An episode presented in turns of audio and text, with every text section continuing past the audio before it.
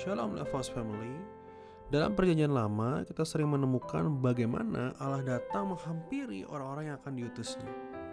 Dan perjumpaan ini biasanya menggunakan sebuah pengantara. Misalnya waktu Allah bertemu dengan Musa Allah menggunakan semak berduri yang berapi sebagai perantaranya. Di lain waktu juga Allah mampu menemui umatnya melalui mimpi Seperti Yakub bermimpi di Betel dan dan banyak kejadian lain sebagainya di tokoh-tokoh perjanjian lama. namun satu hal yang perlu kita ketahui adalah perjumpaan Allah selalu disertai dengan sebuah perintah.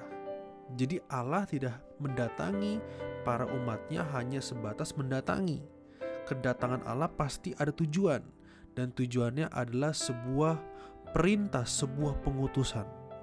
Nah, kalau kita fokus kepada cerita tentang seseorang bernama Musa, di Keluaran 3 ayat 10 berbunyi demikian. Jadi sekarang pergilah, aku mengutus engkau kepada Firaun untuk membawa umatku orang Israel keluar dari Mesir. Perjumpaan Allah dengan Musa di semak berduri itu diikuti dengan sebuah perintah bahwa Musa harus pergi membebaskan umat Tuhan dari bangsa Mesir. Nah, oleh karenanya perjumpaan dengan Allah selalu diikuti dengan sebuah panggilan untuk kita mentaati perintahnya untuk kita pergi menjadi seorang utusan Allah. Nah, Bapak Ibu Saudara, kapan kita terakhir sungguh-sungguh berjumpa dengan Allah?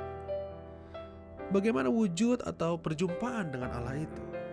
Apakah waktu kita tersentuh dengan lagu dan musik gereja? Apakah perjumpaan Allah sering kali digambarkan waktu kita menangis? Dan saya katakan bahwa itu bisa saja. Akan tetapi, saudara perlu tahu Selalu ingat bahwa perjumpaan dengan Allah diikuti dengan sebuah panggilan untuk mentaatinya. Jika kita merasa sudah berjumpa dengan Allah, namun hidup kita tidak mentaati perintahnya, maka kita perlu koreksi kembali apakah sungguh-sungguh kita sudah berjumpa dengan Allah. Jika kita merasa berjumpa dengan Allah namun hidup kita tidak memiliki keberanian menjadi utusan Allah, menjadi saksi Allah di tengah dunia yang gelap, maka perlu dilihat kembali apakah kita sungguh-sungguh berjumpa dengan Allah.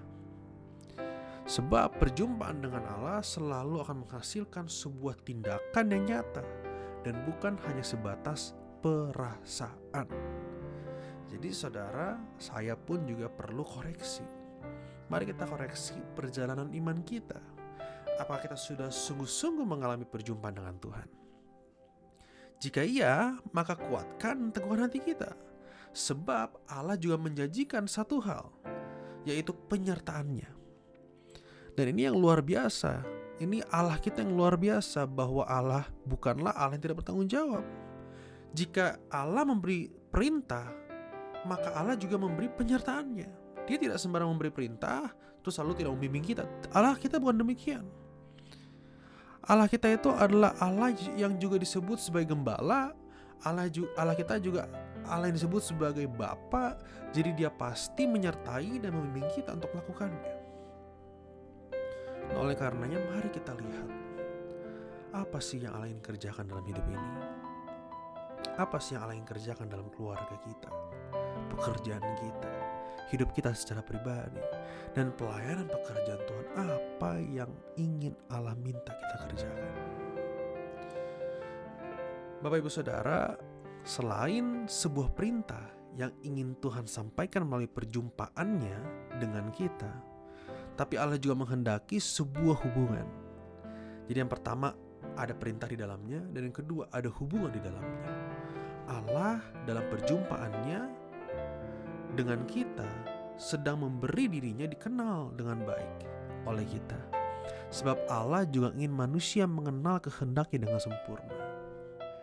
Nah jadi Bapak Ibu Saudara Marilah kita berjumpa kembali dengan Allah Supaya perintahnya dapat kita lakukan Dan hubungan kita dengan Allah semakin erat. Amin